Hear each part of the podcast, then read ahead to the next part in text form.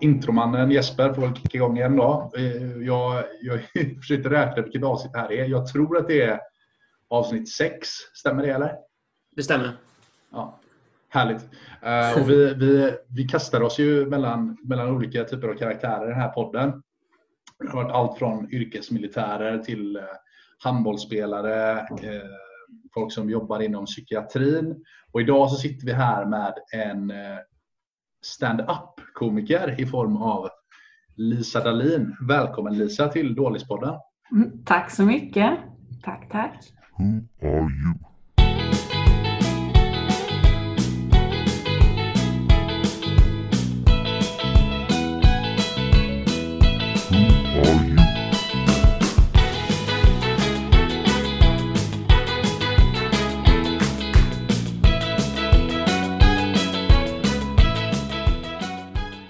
En, en väldigt genomtänkt första fråga som jag tänkte du kunde få svara på här. Eh, Åh som gud, är- redan. Som, som är, vem är du?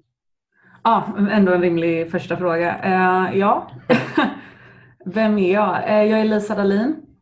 Jag är en hyfsat eh, fräsch ny eh, standup-komiker. Eh, har hållit på i ungefär två år, lite mer än det kanske. Beror på hur man räknar med corona och skiten nu. Eh, Har du räknat du bort några månader som att tiden har stått still nu då? ja, det känns som det. Okej. Men jag, jag, har varit aktiv i två år och nu har det varit paus i vad är det, två månader. Liksom. Ja. Det är ju det. Men äh, ja, skriver lite roliga texter och så också och annars så pluggar jag och målar och sånt.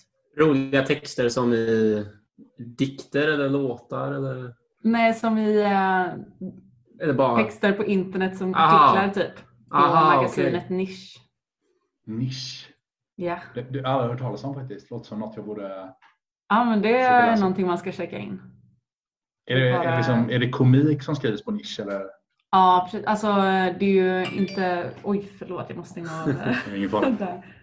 Det är ju inte eh, stand-up eh, material men det är ju eh, liksom roligt formulerade texter typ om jag, jag har ju då på något sätt fått ansvar för vetenskapsartiklarna. Vilket ju eh, med någon som liksom gick ekonomi på gymnasiet och sen går en konstnärlig utbildning på högskola kanske inte är helt och hållet kvalificerad för. Men eh, det det Du, ju. du, skriver, du skriver humor om vetenskap alltså? Ja, precis. Jag, jag, jag, det leder mig osökt in att tänka på han eh, Jesper Rundahl heter han va? Som hade Svenska Ja, nyheter innan. Som typ, Jesper Rönndahl. ja, för han, han la ju ner Svenska nyheter för han sa att det var inte kul att skämta om nyheter och politik för det var typ för lätt att göra poänger på det. Eh, Mm. Och hans dröm var att göra humor om vetenskap för det tycker han är kul. Men det var omöjligt. Ja, men det har han ju alltid hållit på med liksom. Eh, och sen så, Svenska nyheter håller ju igång fortfarande. Det är ju bara att det är en ny tagning liksom med Kristoffer Appelqvist istället. Mm, men jag tycker, jag tycker Jesper Rönndahl är fantastisk så att jag slutade faktiskt kolla efter eh, han försvann. Ja, Sam, Ska jag samma erkänna? faktiskt. Men, men vad, vad skämtar man om? Liksom, kan man skämta om vetenskap? Liksom? Oh, Vad är det som är roligt? Alltid, alltså om man tittar på eh, vilken vetenskapsartikel som helst så händer det ju så sjuka grejer så att man behöver knappt skämta för att det ska vara ett skämt liksom. Ja, det är väl en bra poäng. Ja, men jag tycker det finns så jävla mycket sjuka saker där ute som eh, bara genom att nämna det kan man liksom få fram absurditeten i det. Liksom. Är det, är det mycket så här nördhumor och sånt också? Typ, lite så här, eh, eller jag antar att det kanske inte blir det då. Om du själv anser det vara en, en konstperson som skämtar om vetenskap, då blir det inte den här eh, interna nördvetenskapshumorn heller kanske. Nej, alltså man får ju hålla det lite generellt ändå för att eh, dels för att jag inte förstår om jag försöker göra det något djupare men också för att det är då den stora mängden fattar vad man pratar om också. Man Ja. måste ju Ja, göra det tillgängligt för att folk ska tycka det är kul också. Mm. Du sa att du, du pluggar också eh, vid sidan av det. Eller ja, är det är det, det som är heltidssysselsättningen egentligen Lisa? Ja, egentligen. Det är den som har tagit stryk eh, under tiden jag har hållit på med stand-up kan vi säga. Ja. Frodas den nu då i coronatider eller? Förvånansvärt inte alls.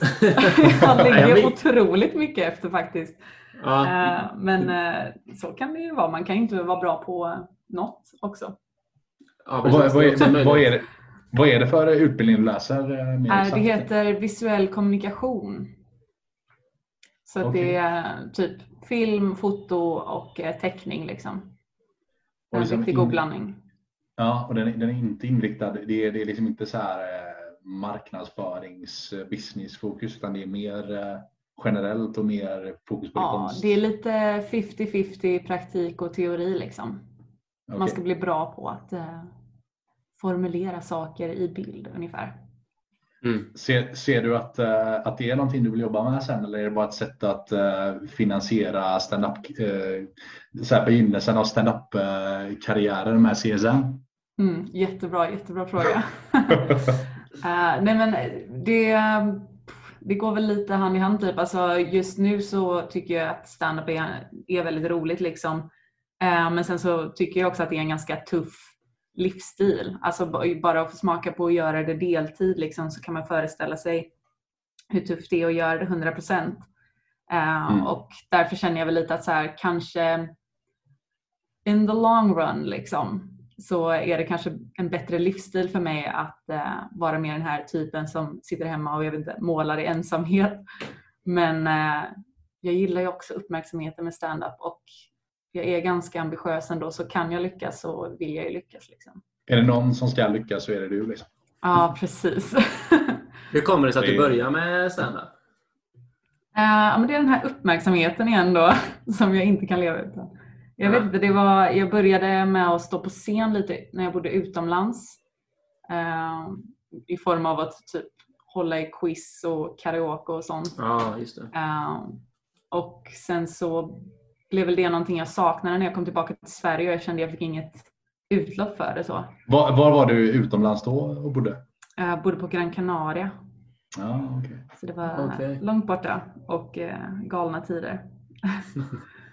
Eh, men, Var, du, eh, jobbade, var du typ reseledare där nere då? Ja, men jag jobbade för ett spanskt företag så det var lite mindre regler och eh, lite hårdare jobb. Typ. Lite, alltså så här, vi åkte inte fram och tillbaka till flygplatsen liksom, utan det var mer bara underhållning för gästerna 24-7. Liksom. Okej, okej. Men det var, det var ju kul.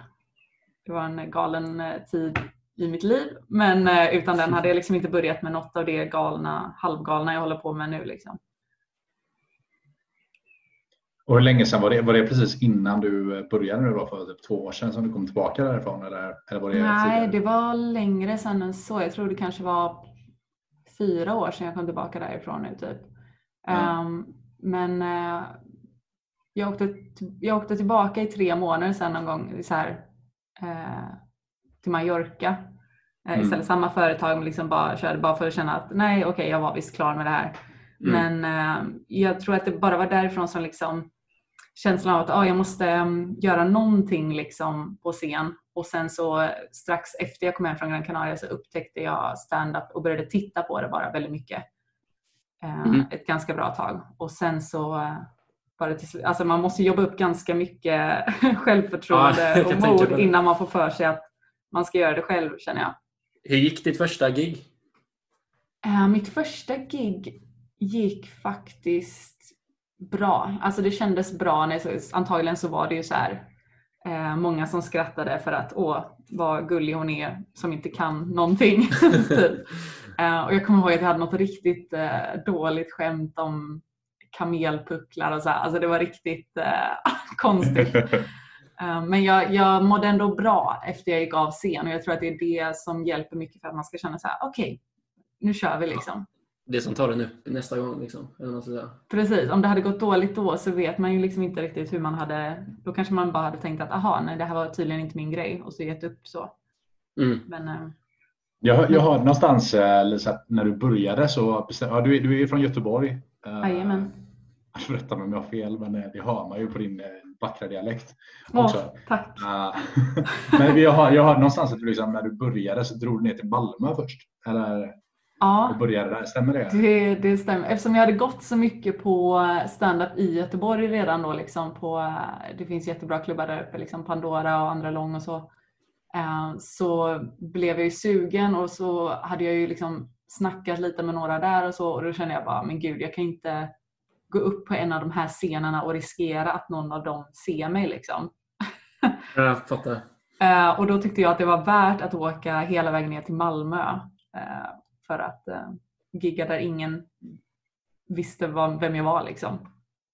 Och det, liksom, när- ja, det, jag tyckte det var väldigt intressant ändå för att så här, man har ju hört det här mycket och, och det, det här med barri, typ hur man ska komma över den här barriären och börja och prova något så här riktigt tufft som att ställa sig på scen och köra stand första gången. Det, det känns som det är så många som pratar om det, hur, vad man ska göra för att klara av det. Men jag tyckte det var en intressant väg ändå för att så här, du, du, du kom ändå på en, lite en praktisk lösning där. Att liksom, ah, men, shit, jag, jag drar ner till Malmö och provar lite där och sen kan jag för sen har du väl kommit tillbaka och kört i Göteborg också?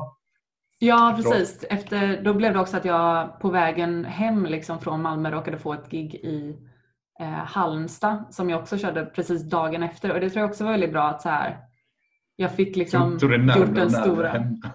Ja men precis, men att jag fick den stora kvällen liksom som jag hade planerat för jättelänge. Liksom. Och min stora premiär på en liten gratisklubb för 15 pers i Malmö typ. Eh, var ju en jättestor grej. Och sen att direkt efter det få köra en gång till utan att hinna tänka efter så mycket. Ja, exakt. Eh, Bara- tror jag var ganska bra. Att jag Mm. bara hoppade upp på hästen direkt. Liksom. Eh, Då, då var du proffs liksom.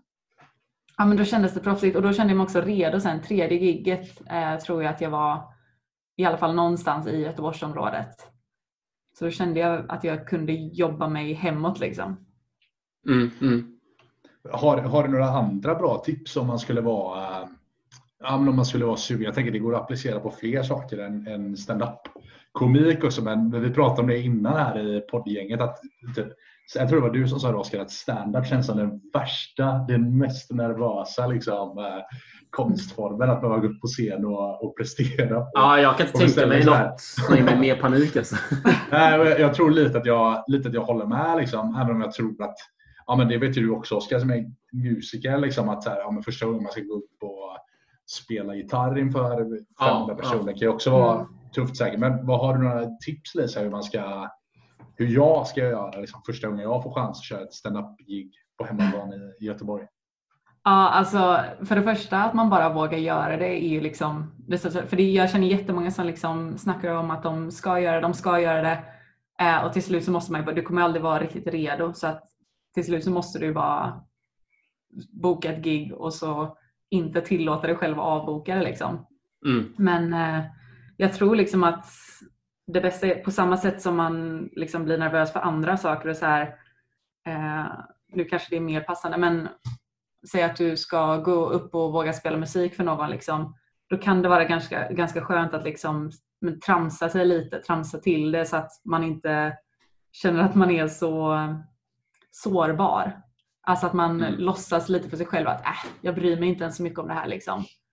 Eh, Det Mm. kan gå bra, det kan gå dåligt. Jag är lite för cool för att bry mig. Liksom. Att den inställningen kan funka, för mig i alla fall, ganska Mm. mycket. Att så här, det här är ändå på skoj, så varför ska vi, varför ska vi det- göra någon stor grej av det? Även Ja, om det, jag tycker att det är en jättestor grej så är det bara att säga det till sig själv kan hjälpa. Ja, det kan ju vara både, både för och nackdel att vara komiker då när man ska försöka tänka att det här är bara på skoj. Det kan vara både enklare och svårare kan jag tänka mig. Ja, du måste ju tycka att du är lite genuint rolig själv och det är ju det som är det pinsamma att gå upp och säga det här tycker jag är roligt. Ja, exakt. Det är det som är... Ja, men bara det är ju stoff till fem minuters liksom inledande sta- stand-up-komedi skulle jag säga. Liksom, att gå upp och säga att jag är lite nervös så jag tar det här på skoj. Liksom. Ja, det är lika, lika bra att vara ärlig när man är där uppe nästan för att eh, då kommer publiken eh, vara på din sida i alla fall. Det är Mm, det du vill. mm. Ja, jag tror det är, det är en bra poäng faktiskt. så Det är kul att du nämner det. Och vi, det har ju varit lite som ett tema i podden här det sista. pratade ju inte minst förra veckan när vi hade Ja, nu har inte du hört det avsnittet då Lisa för jag eh, glömde ju att dela med mig av eh, ja. podden förhand.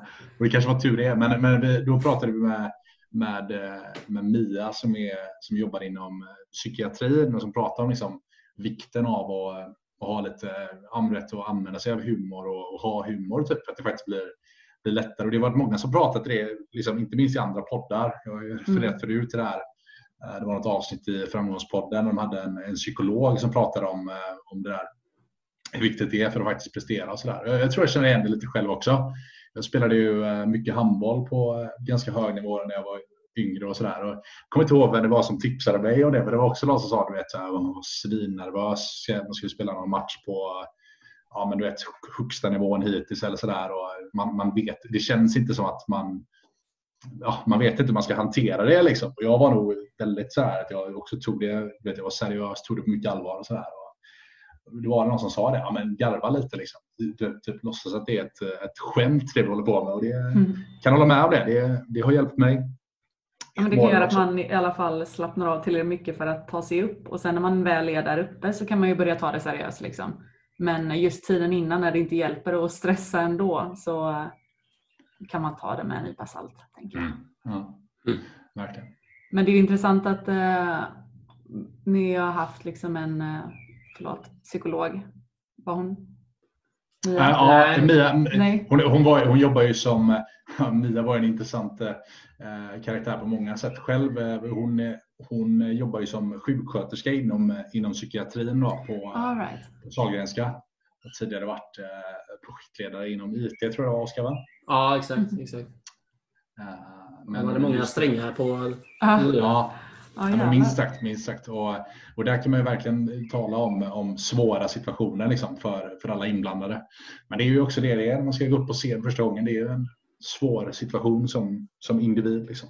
Oh ja, verkligen. Men jag tänker också på liksom att eh, Ja absolut att humor hjälper i liksom svåra situationer och så. Det uh, håller jag 100% Men det är ju, alltså när man jobbar med stand-up så, så märker man ju också hur många karaktärer som liksom använder det helt och hållet för att må bra. Alltså det är ju många som inte mår bra ah, okay, okay, i ah. branschen och det är intressant att se hur humor antingen hjälper eller skälper. Det vet man inte riktigt för att det är en jag tror att du... livsstilen hjälper kanske inte så mycket men själva humorn är det som håller alla vid liv. Ja, just det. det. Det, där är ju en väldigt intressant eh, punkt. Och jag, det är också så här, nu, nu kommer jag halvt ihåg någonting som vanligt här, så jag är inte helt säker.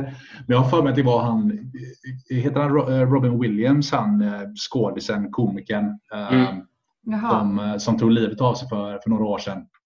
Ja. Du vet, han som var med i Good Will Hunting och Ja, exakt. exakt. De här. Jag, jag, vet inte om det var han eller någon annan som sa det, typ att liksom, typ så här, de, de roligaste individerna, de som, de som du vet, lever för att få andra att skratta är ofta de som är ja, men du vet, lite sorgsna själva. Då.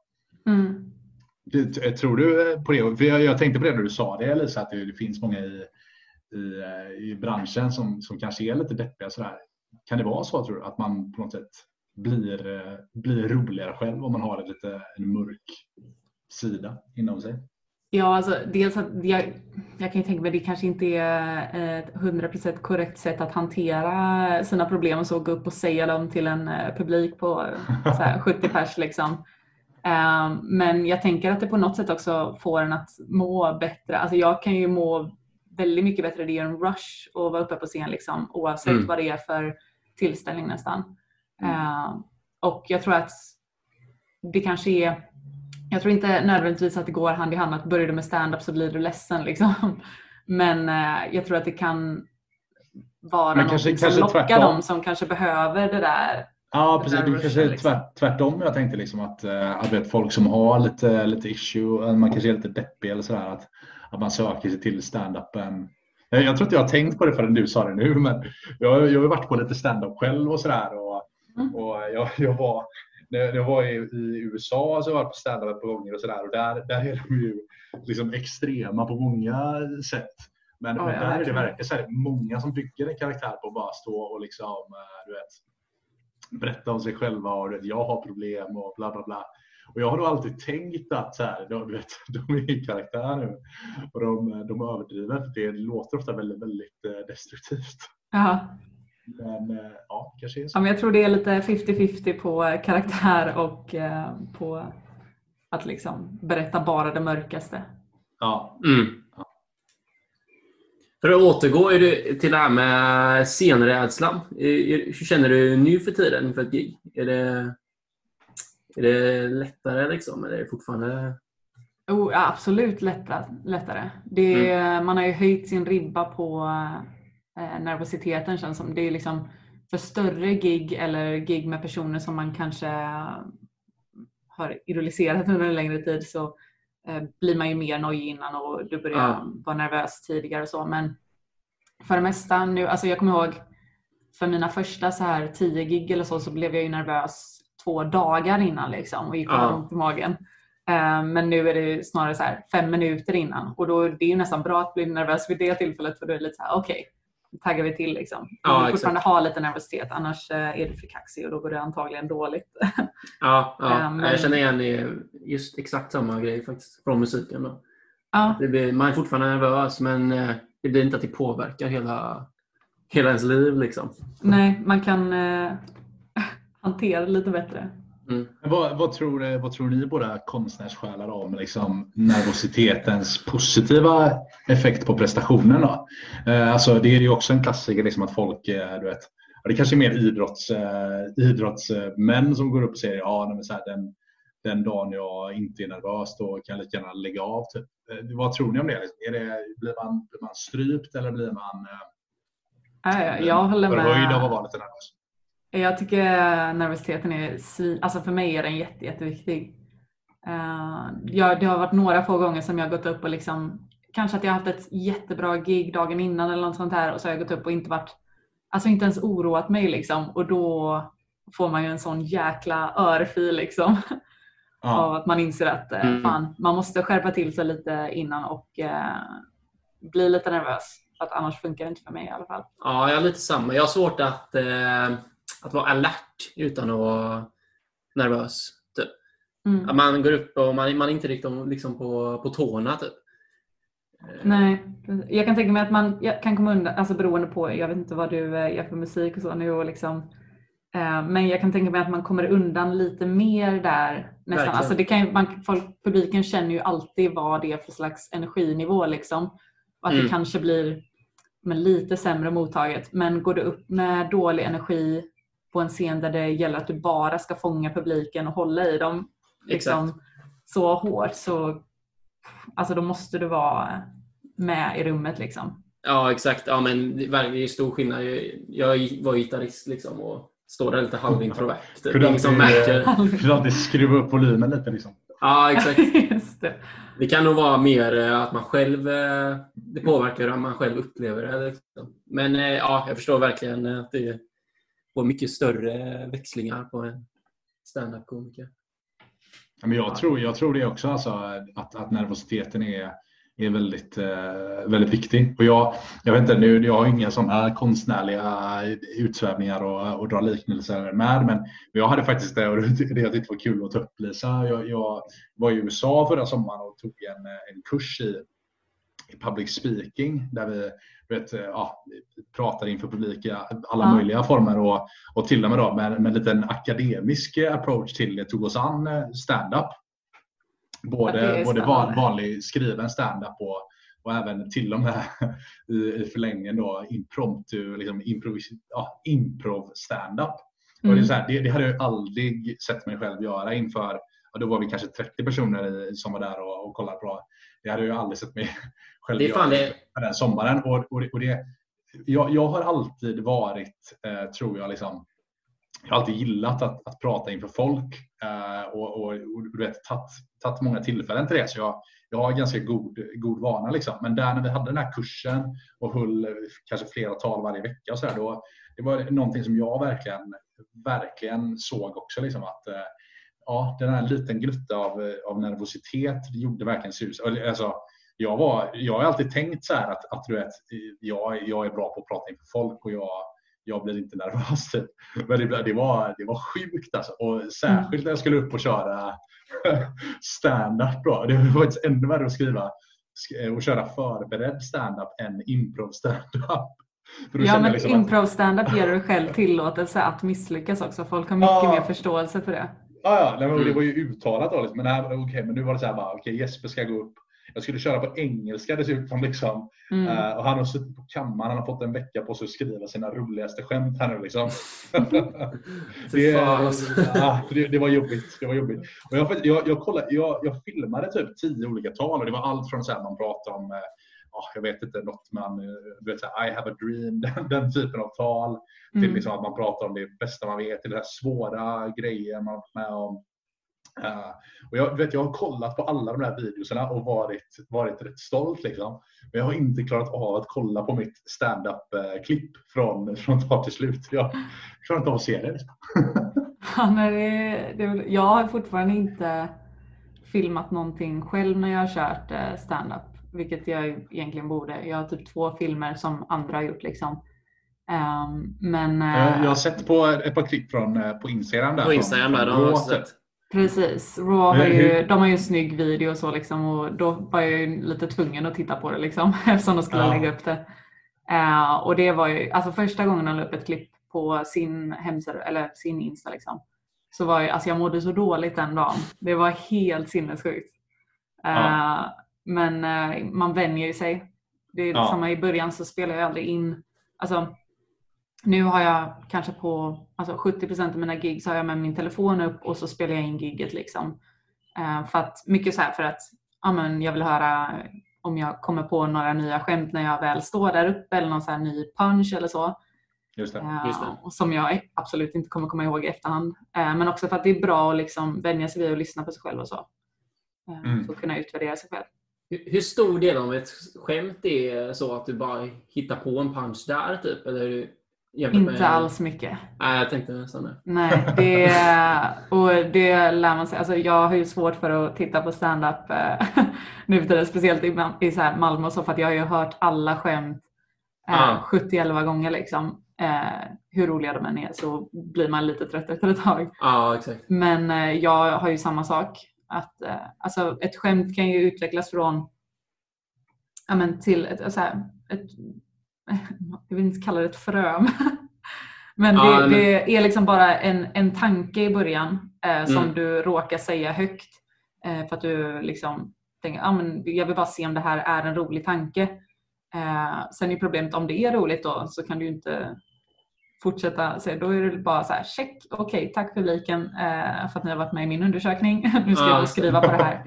Eh, och sen går det liksom att skriva på det och så bygger du ju på saker allt eftersom. Men Mm. eh, Ja, det kan jag tänka mig. För det är ofta liksom man drar... Min uppfattning är väl att man drar ju ofta en story och så... Det ska inte bara vara roligt en gång liksom, utan det ska vara roligt många gånger på vägen. Precis. Och jag, jag tror folk, alltså man skriver ju ett skämt för att det ska kännas spontant och för att det ska kännas genuint liksom. Mm. Eh, men jag, alltså jag tvivlar på att folk förstår hur mycket timing förändrar liksom i eh, ett skämt. Sådär. Du kan pröva att ha exakt samma formulering på ett helt skämt och så ändrar du bara timingen på ett ord. Mm. Eh, och det kan liksom riva eller eh, gå svindåligt beroende på vart du lägger det. Så, här. så att det är så många finjusteringar liksom, som man inte hade någon aning om var betydelsefulla för ett skämt innan man trodde bara så här, ett roligt skämt är ett roligt skämt. Men eh, det, gör, det, är- alltså det gör sån otrolig skillnad när man testar sig fram sen. Mm. Ja, det är jävligt intressant. Vi, vi, Jag har vi har snackat lite om det. Ja. Ja, kör du Jesper. Nej, men jag har också, på det, för det har man hört många, många komiker säga så här. Liksom, typ, ja, men, ja, det är skönt nu för nu har jag en liten paus och nu ska jag hem och skriva. Typ. Man bara, "Vad- skriva, vad, vad menar du? Liksom? Man, har, man tror alltid att de står där och, och är roliga och, och skämtar. Liksom. Mm. Eh, Så jag är också lite så nyfiken på den här hela skrivande processen. Du sa ju det precis också nu, liksom, att först får man en tanke och sen, sen skriver man på det. Liksom. Hur, sitter du med papper och penna och, och skriver eller är det, är det där bara en eh, bildlig referens? Liksom? Nej, alltså det är ganska on point. Liksom. Det börjar, för mig så här, många skriver ju bara typ utifrån sina egna liv eller eh, utifrån en händelse som händer dem liksom, och så skriver de runt det och så. Jag har lite svårt för det. Eh, men jag, bli, jag har blivit bättre på det eh, vill jag säga. Men eh, ofta så är det bara typ att ja, men, när man får en tids tystnad i hjärnan typ, det är då man kommer på det så här när man cyklar och inte kan göra någonting annat eller eh, när man står och diskar eller så här, det är då, då får man liksom någon tanke och det är den tanken sen som man bara kanske säger på scen eller säger för några komikerkompisar eller sådär. Eh, och så får man se, okej men håller det här eller är jag galen? Eh, och om det håller så är det ju värt att liksom sätta sig med ett block. Alltså jag vet inte hur många block jag har gått igenom redan. Jag skriver väldigt mycket för hand. Eh, det är inte alla som gör det. Men eh, sätter man sig liksom och så skriver man ner den tanken längst upp och sen så får man se vad man få fram från. Liksom. Mm. Men, Men det är verkligen en du, skrivprocess. skriver du redan eh, när tanken, när du står och diskar typ, är det så här, fan, så får du gå iväg och hämta blocket och skriva ner det typ? Eller? Ja, eller så här, jag har ju en lång anteckning i mobilen liksom. Ja. Från eh, tre år tillbaka säkert till och med. Har det ändrats så att det påverkar ditt liv? Att du typ alltid lite har den eh, jakten igång typ? Vad fan, är det där ett bra skämt? Och så måste du hela tiden skriva ner.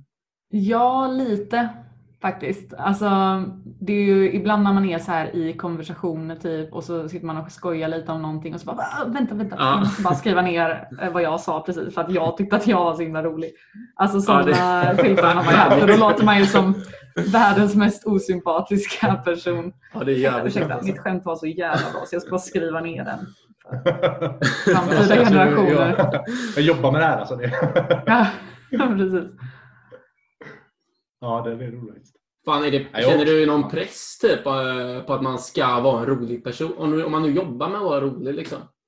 Ja, Och så det har jag tänkt på. Det, det har jag tänkt på också. Det, hur många gånger har du stött på den frågan? Typ, eh, jag, hade, jag har faktiskt med en sån fråga här efteråt nu. Liksom. Mm. kan du dra ett kul skämt? Typ? Nej, jag, skojar bara. Liksom Det är det, det, är det värsta man kan få. Jag har ju ja, inte... kan verkligen tänka mig det. Det var när jag skulle komma in på... Jag skulle träffa min kompis Julia Ros i, eh, på en klubb i Göteborg liksom, och så var det så här betalkväll. Eh, och eh, jag tänkte det, ja, men jag, jag kommer in och så eh, säger jag hej och så hänger jag lite med er. Och så fastnade jag vid dörren för då var det en vakt där och han bara ah, ursäkta eh, det är betalkväll och jag bara ah, men eh, jag känner den här, eh, jag känner hon Julia och jag är också komiker så lala, jag ska bara in och och han bara, ah, okej, dra ett skämt då. då. För att jag skulle få komma in och jag kommer inte ihåg vad jag sa men alltså det var, det var jävligt dåligt kommer jag ihåg och att han så bara, ja. Nej, du får väl komma in men eh, det var ju det sämsta jag hört i hela mitt liv. Alltså han var verkligen så brutalt ärlig där. Jag bara, ja. Och det känns som att det, det finns så här olika typer av komiker. Jag tänker om, om Per Andersson skulle hamna i den situationen. Han känns som den, den typen av gud. komiker som sitter och klurar på du vet, så här, skämt på tre ord. Eller du vet, så här, vitsar liksom. Ja, men om, Men, du skulle be, om någon skulle komma fram och säga till Per Andersson att för att komma in så måste du dra ett skämt så skulle han ju typ bara dra ner byxorna och så här. Ja, men det- alltså, han, exakt, han är ju flippig Gör någon 100% rolig av tiden bara liksom. Det är inte Ja, liksom, det är inte Oavsett om han är på scen eller inte. Nej, Nej, exakt. Men, eh, men det är många som bara skulle säga åt honom att liksom ta sig i röven och dra typ. Det är, Ja, exakt. Det är, det är en smaksak vilken typ av humor man, eh, man gillar. Liksom. Ja, precis. Och det är många som också känner så här, varför, varför ska jag stå här och dra ett skämt för dig? För att det är, så, det är en så stel situation. Det, kommer ju, det är omöjligt Ja. att få någon att skratta som bara står framför en och väntar på ett skämt. Du vill ta folk överraskning. Jag, jag har bara en till fråga innan vi lämnar det med hur man skriver ett skämt och sådär. Mm. Och, det, det är liksom, för det, det kan jag känna också. Där jag, jag skriver inte skämt och inte musik heller. Så här, men ibland försöker jag vet, skriva ner mina idéer om andra saker som jag jobbar med. Och så där, och, och jag kan känna ibland typ att jag nästan, jag får mer idéer. Eh, ja, men du sa innan Lisa, typ så här, ibland när man står och diskar eller man sitter hemma och, och funderar typ, så kommer man på någonting. Jag kan nästan få mer idéer så här i farten. Typ, vet, så här, om att jag, är, jag, typ, jag jobbar eller jag är i skolan eller jag pratar med någon eller sådär. Eh, men tror du det är viktigt att typ Alltså nu, nu tappar jag struktur i min fråga här, men, men lite så här, ibland när jag tar en paus så kan jag nästan få lite, lite kramp i hjärnan. Liksom, att det blir så här bara shit, vem är jag? Jag kan inte tänka alls. Men vad, hur, hur är det för dig? Liksom? Tycker du att kommer du på mest grejer när du är i farten, liksom, gör saker, upplever saker? Eller, eller är du en sån här som kan sitta hemma på kammaren och komma med riktigt bra idéer? Liksom?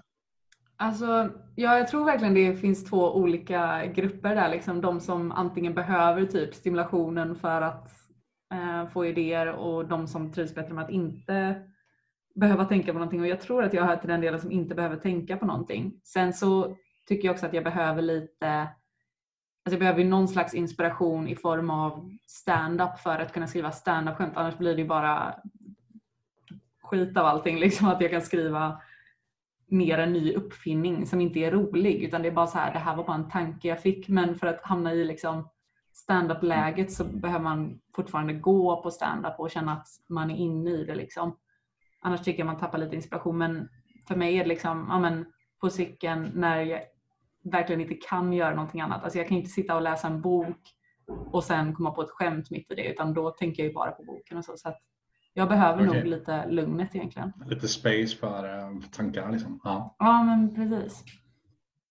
Jag kan verkligen tänka mig det också, för det är, det är en bild. Och som sagt, jag, jag är verkligen ingen expert, men jag gillar verkligen stand-up. Och, ja, men jag har ändå kollat en, en del på det och sådär. Och, och jag såg det, jag reflekterade verkligen över det i USA när jag, när jag var på stand-up några gånger och såg. För att det, det är verkligen ett hantverk. Liksom. Och jag kan tänka mig det också att eh, ja, men rätt, man vet ju det själv. Det finns ju personer som är svinroliga människor bara i, i vardagen och sådär. Eh, men, men att, som du säger, man kan ha roliga idéer och sådär, men att, att, att kunna leverera dem och formulera dem till ett stand-up-skämt. Det känns verkligen som att det är, det är ett hantverk. Liksom. Så det är Ja. som du säger, man, man behöver formas in i det där lite. Liksom.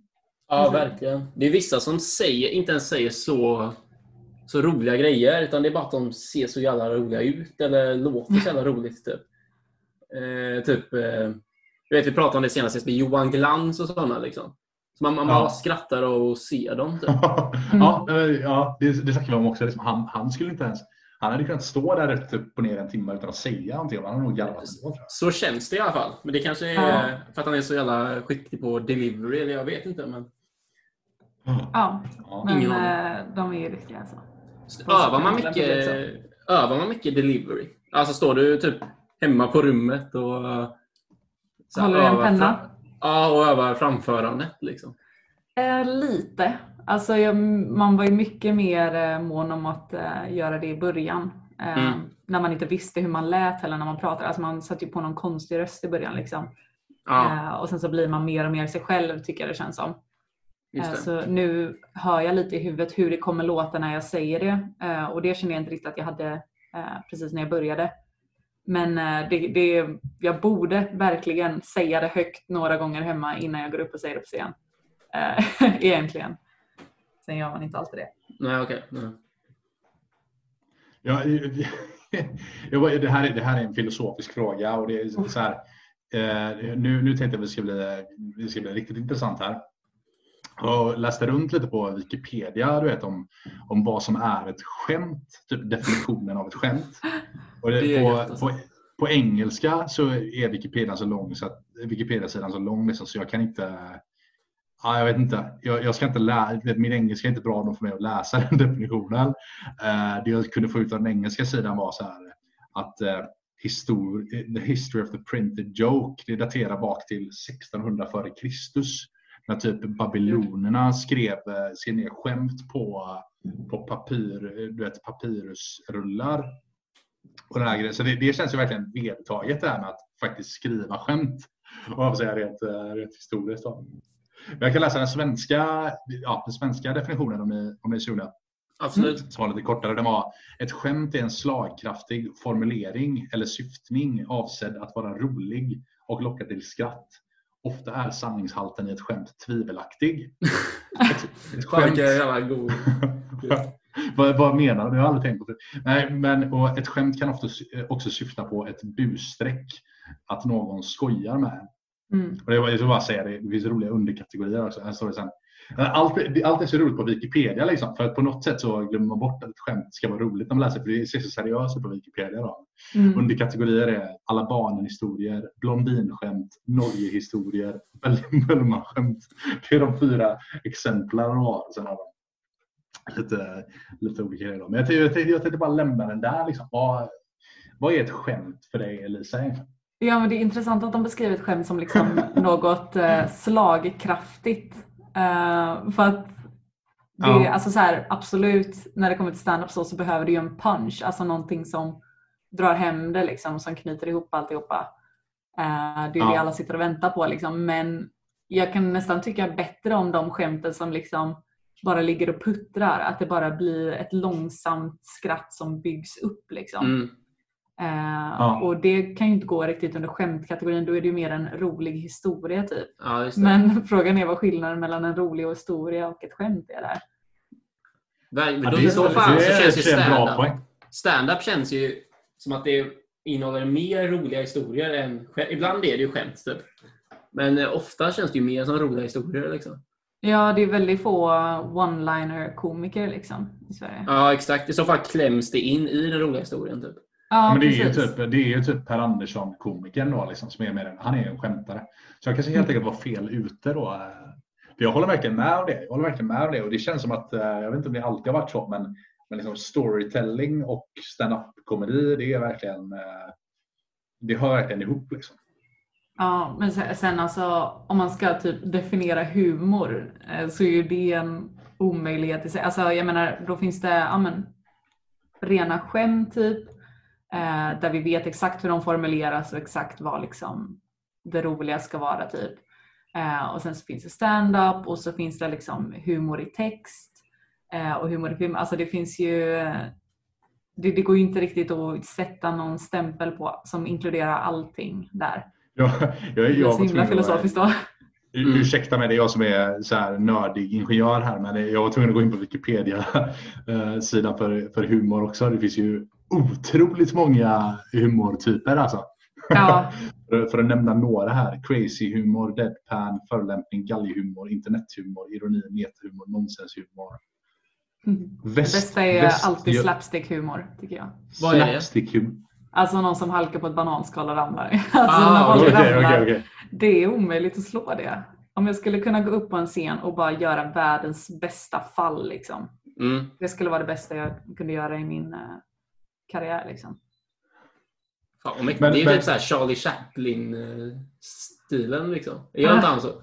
Han springer runt och slår sig. Liksom. Ja, precis. Tycker det Ja, är det är- lika roligt varje gång. Ja, det är jävligt kul faktiskt. Men vad tror ni om det här? Jag måste bara säga, det finns på Wikipedia-sidan, den svenska då, om, om olika typer av humor, så finns det tre huvudkategorier. Det finns verbal humor, icke-verbal humor. Eh, Det var slapstick som du nämnde då Lisa. Ja, Och sen så finns det internskämt. Det är de tre olika huvudkategorierna. Och Spännande. alltså, herregud, det här, vi, ska inte, vi ska inte fastna här nu för det här jag, kommer jag antagligen, det har jag redan fastnat i själv. Då. Men jag bara, jag bara ser här under, liksom, under verbal humor så finns det en, en specifik kategori som heter Västgötaklimax. Västgötaklimax. Mhm. Jävlar. Det, det är alltså en retorisk stegring som oavsiktligt avslutar, avslutas med ett antiklimax. Det, det var det Okej. sjukaste jag har hört. Alltså, Ja, det är jävligt sjukt. Så det blir typ att det blir inget skämt, typ? Eller alltså, jag, liksom, vet inte, jag, jag, jag vet inte, det var inte det jag menar. Utan, Jag vet inte fan. Alltså, alltså, det var inte det, jag, jag kunde inte ens ta till mig definitionen. Det jag menar är bara att det, var, det är så sjukt att det finns en Wikipedia-sida för, för en humortyp som heter Västgötaklimax. ja, det är faktiskt jävligt sjukt. Det är så specifikt. Ja. Verkligen. Men det det, var det säger också traditionell- någonting om att det, det är en vetenskap. Liksom. Fan vad gött. Det, är inte att- bara, det är inte bara ett hantverk, det här är en vetenskap också. Ja, precis. Någon ska sitta och analysera allt man säger på scen också. Ja, undrar hur många det är i världen som sitter och forskar på humor. Typ. Någon måste ju... Men Lisa, du skulle inte vara intresserad av det? Att, att liksom, ja, finns det typ en utbildning i humor på, på GU? Liksom? Eh, nej, kan det ju inte göra. Men eh, det tror jag inte än i alla fall. Alltså det har börjat eh, poppa upp mer sån här, jag tror på lite folkhögskolor och sånt, liksom stand-up utbildning typ. Ehm, Ja. Och det vet jag inte hur bra de är så, för jag har ingen erfarenhet själv. Liksom. Men Nej. eh, det är väl Inte- lite så i början av alla såna här typ konstnärliga eh, genrer slår igenom liksom, så är det lite svårt att utbilda i det för att det, reglerna inte riktigt är bestämda än för hur man Nej. ska lära ut eller lära sig det. Nej. Nej, men det känns ju, och det är det som är kul också att, att ändå stand-upen är ju, i alla fall i mina ögon och, och i många andras också, verkligen, det är ju verkligen en konstform och den är på något sätt fortfarande up and coming och, och sådär. Jag vet inte hur du ser på det, men det känns också som en konstform som verkligen alla kan delta i. Det, fin, det finns liksom en stand-up form för alla, alltså som alla Mm. kan typ uppskatta. Men också så- det känns typ som att det finns en stand-up nisch där alla potentiellt skulle kunna bli artister. Liksom.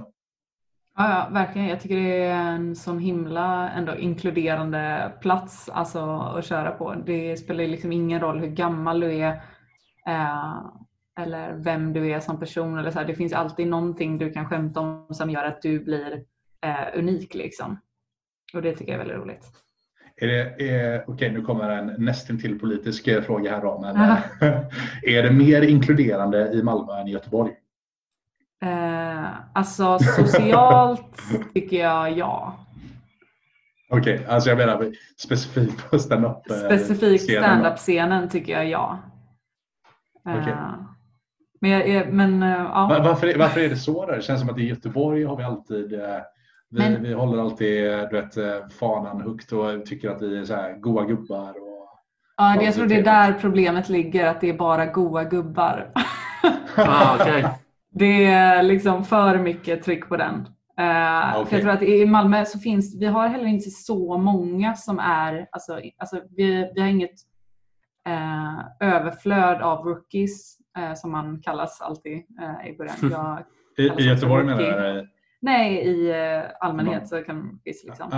Eh, Men jag tror att det finns, det är färre som eh, vill börja i Malmö. Eh, Vilket gör att vi lite, ja men det blir inte samma hype bland samma sorts människor utan det är väldigt blandat vilka som kommer och säger hej jag vill börja med stand-up liksom. Mm. Då är det väldigt lätt det är- att vara inkluderande liksom. Det är svårt på ett ställe där det redan finns Ja. så mycket typ, eh, alltså det är samma i Stockholm är det också, det är ju, när du går på gratisklubbarna och så, det är väldigt mycket grabbar som ser väldigt mycket Ja, okej. likadana ut liksom. Ja, det har byggts en kultur liksom. Som har... Ja men precis, och det Ja. är klart att de gillar att hänga med varandra och gärna bjuder in varandra till saker och så. Eh, och det är ju så det blir liksom. Men Mm. eh, jag tror det är därför också vi lägger, alltså alla, i alla fall eh, alla jag känner i Malmö är väldigt inkluderande och kanske lite extra så uppmuntrande mot tjejer som vi börjar hos också för att eh, vi vill se fler tjejer. Mm. Ja, och det, det är intressant och det, det har jag nog inte tänkt på. Det, det tror jag helt klart att du har rätt i. Att, att även ja, att tyvärr liksom stand-upen är säkert lite mansdominerad. Du har säkert en mycket bättre bild av mig än mig av det också. Men eh, det känns Ja ju det tror verkligen så här jag också faktiskt. Det varit sjukt annars. nej, men, nej, men så här, det, det, det är ju lite konstigt typ egentligen. Liksom, vad det, är som, eller så här, det, det är som med så mycket annat så känns det som att eh, det är synd och det är också lite konstigt. typ att för jag menar, det finns ju, ja, precis som du säger, liksom, det finns ju både, jag känner att det, det borde finnas både tjejer som, är, eh, som skulle tycka det var roligt att, att, roligt att både göra och njuta av stand-up. Liksom, lika mycket som, som killar gillar att göra. Mm. Ja, Absolut. exakt. Jag Men det tror mer det handlar om självförtroendet. Liksom. Alltså, du behöver en stor mängd självförtroende för att gå upp och sen för att Ja. fortsätta också. Och jag tror att tjejer som prövar på stand-up går upp och känner alltså, och har ett dåligt gig Mm. är tillräckligt, eh, alltså har så, inte så pass bra självförtroende att de inte kan känna av när det går dåligt. Eh, Medan killar inte ser varför det inte går bättre och ändå fortsätter. Alltså, så här, lite typ att de har ändå det självförtroendet och de Ja. andra killarna som stöttar dem, liksom att de fortsätter. Eh, och ibland så blir det ju bra och, och det är bra att Mm. kämpa på liksom, men ibland så är det ju bara undrar man ju varför vissa fortsätter. Hur fan har du inte gett upp än? Liksom? Ja, men typ. Ja. Ja, Väldigt få tjejer. eh, Jag kan inte nämna en tjej i hela stand-up Sverige som jag vet, som jag tänker du borde inte köra längre. Nej, nej. Ja, det, det där är ju väldigt intressant alltså. Mm. Ja. Ja. Det finns att jobba på med, med jämställdhet inom stand-up som överallt annars kan vi Ja, konstatera. men, lite. men vi, är- vi är rätt duktiga. Ja, gled ja, det är bra. Men eh, en sak som vi tänkte på, vi pratade lite innan vi började spela in här, liksom, hur viktigt det är att tänka lite på vad man, vad man står för i alla sammanhang och så här, och liksom säga saker. Och det, vi, vi har ju pratat om det mycket med våran podd, liksom, att vi vill vara noggranna med att, att du vet, så här, inte hålla på och säga massa dumheter, liksom. vi vill inte sprida, sprida dynga och, Mm. och du vet, vi, vill inte, vi vill inte leva på att snacka skit och, och vi vill inte hålla på och driva någon slags ja, men du vet, så här, vi vill inte göra någon politisk rörelse av våran podd heller. Liksom. Nej. Och det var en intressant eh, grej. För det- här, när jag kollar på stand-up ofta så är man ju så här bara, åh herregud hur vågade hen säga det där. Liksom. Du vet, så här. Och det känns verkligen som att så här, ja, men du vet, man har ju sett vissa som, är, som skämtar fruktansvärt grovt. Liksom. Uh, på, på ena sidan så kan jag tycka att det är så här, bara, ah, vad gött att, att det är så att vi kan skämta om allt. Och, och ibland så är det så här, trots att jag tror att jag har lite den inställningen i grunden, att det är, kul om man kan skämta om allt, så, så blir man lite obekväm i vissa situationer. Och kul att höra din, din syn på det, Lisa. Liksom. Var, Ja. går, var går gränsen? Liksom? Ja, precis. Det är ju väldigt... Alltså, är det ett skämt så är det ett skämt lite, eh, känner jag. Men eh, man hör ju också när det ligger någonting annat än ett skämt bakom eh, det någon säger. Tycker Mm. jag. Alltså, och det är ju en väldigt svår grej att definiera för att man, alltså, det är så här, frågan är om man, alltså vad man känner ligger bakom och inte, inte så här, det handlar ju om att läsa mellan raderna och då kan man inte direkt säga typ, du sa det här därför är du en dålig person utan det är bara så här mm, kändes lite för ärligt när du sa det här om det här typ och det kändes som att du försökte övertyga oss om det här. Alltså, det handlar mer om Mm. att eh, typ känna av eh, Alltså försöka känna av åsikterna mellan skämten snarare än det folk säger rakt ut. För att ja, men, till exempel Jonathan Unge fick ju massa skit eh, i, från SVT, eller inte från SVT men från SVT-tittare liksom för att han sa pedofil, pedofilskämt typ. Mm. Eh, och då är man såhär bara, ja men vilken pedofil går upp och säger att han gillar barn? Alltså så här, Ja, då är man och- riktigt sjuk alltså. Då Precis, det handlar inte så mycket om att eh, läsa mellan raderna, då är det någonting han sa rakt ut och så här, det är så övertydligt att det är ett skämt Mm. att Mm. eh, det känns, där tycker jag liksom att det är dumt att bli sur över sånt. Liksom. För jag tror Nej, inte och det- och det är mycket någon- klokt svar tycker jag faktiskt. Tack så jättemycket. Nej, men det, och det, det är det som är Ja, men det, pedofilskämt var väl ett bra exempel för det är det är också det typiska som jag också har hört om. Liksom att, att, att där, där blir det ofta liv liksom, om den typen av, eh, ja, den typen av ämnen som är Mm. väldigt känsligt. Liksom. Eh, och med det som med alla andra känsliga ämnen och så, där, så finns ju, aha, å ena sidan så förstår alla att det, okej, det här är inte bra. Liksom, det, här är inget, det här är ju något vi önskar inte fanns på vår planet. Å andra Mm. sidan så finns ju någon slags eh, befriande känsla i att kunna skämta om saker också. Liksom. Ja, Liksom, precis. Och att eh, folk inte vet. Alltså, man kan ju säga det här skämtet eh, känns inte bra för mig. Och det är ju en sak än att säga att det här skämtet är inte okej överhuvudtaget. Eh, Mm. Och det är så här, om någon skulle ta illa upp från eh, något skämt jag skulle dra så här eh, och kom fram och sa det till mig, för då skulle jag säga ja, ah, jag är ledsen att du eh, eh, blev upprörd av det. Liksom. För att det Ja. skulle jag genuint vara. Liksom. Men det skulle samtidigt inte kunna hindra mig, för det, för det kommer alltid finnas någon som tar illa upp av vad man än säger. Liksom. Eh, för att du skojar ju alltid på någons bekostnad. Även om du skulle ko- skoja på din egna bekostnad så kan folk bli arga över det. Liksom.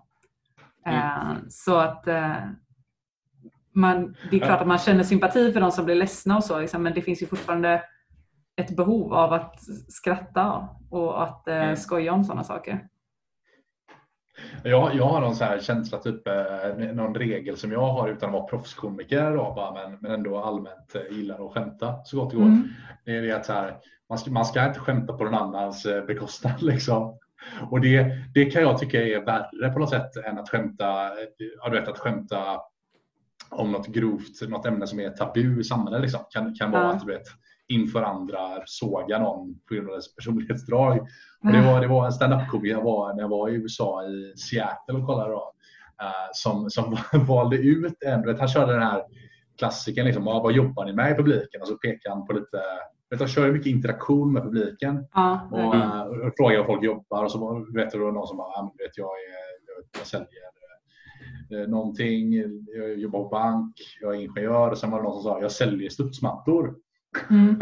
och det, du vet, så här, det, det, jag vet inte vad som var fel med det, men det, det reagerade Det ju är han väldigt roligt. Ja, det är faktiskt Det, jag skulle också ha roastat det så mycket jag kunde.